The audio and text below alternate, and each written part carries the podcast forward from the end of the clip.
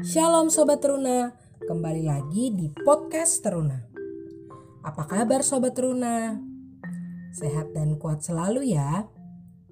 Tema renungan kita pada hari ini adalah melayani dengan sabar. Dengan bacaan Alkitab 2 Korintus pasal 6 ayat yang pertama sampai ayatnya yang ke-10. Sobat Teruna, pernah nggak sih kalian memperhatikan guru-guru yang ada di TK?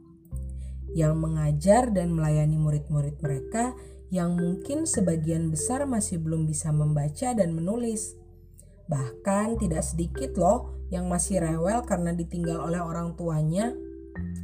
Tetapi para guru-guru tersebut tetap dengan sabar dan tulus membimbing dan mendidik adik-adik itu kan.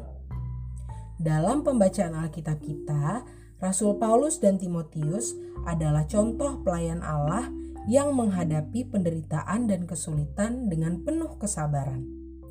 Sobat Teruna, Rasul Paulus dan Timotius bahkan sampai ditangkap dan dipenjara karena mereka menyampaikan berita Injil.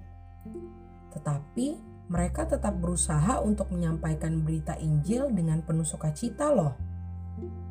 Kok bisa ya mereka sekuat itu? Karena mereka mempunyai kasih yang besar kepada Yesus dan sesama.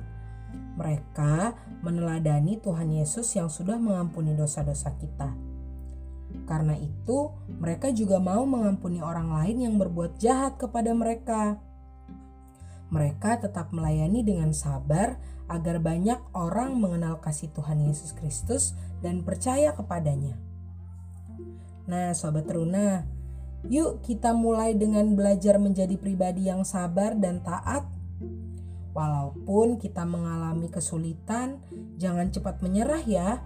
Tetaplah menjadi teruna yang suka menolong orang lain, oke? Okay? Tuhan Yesus memberkati.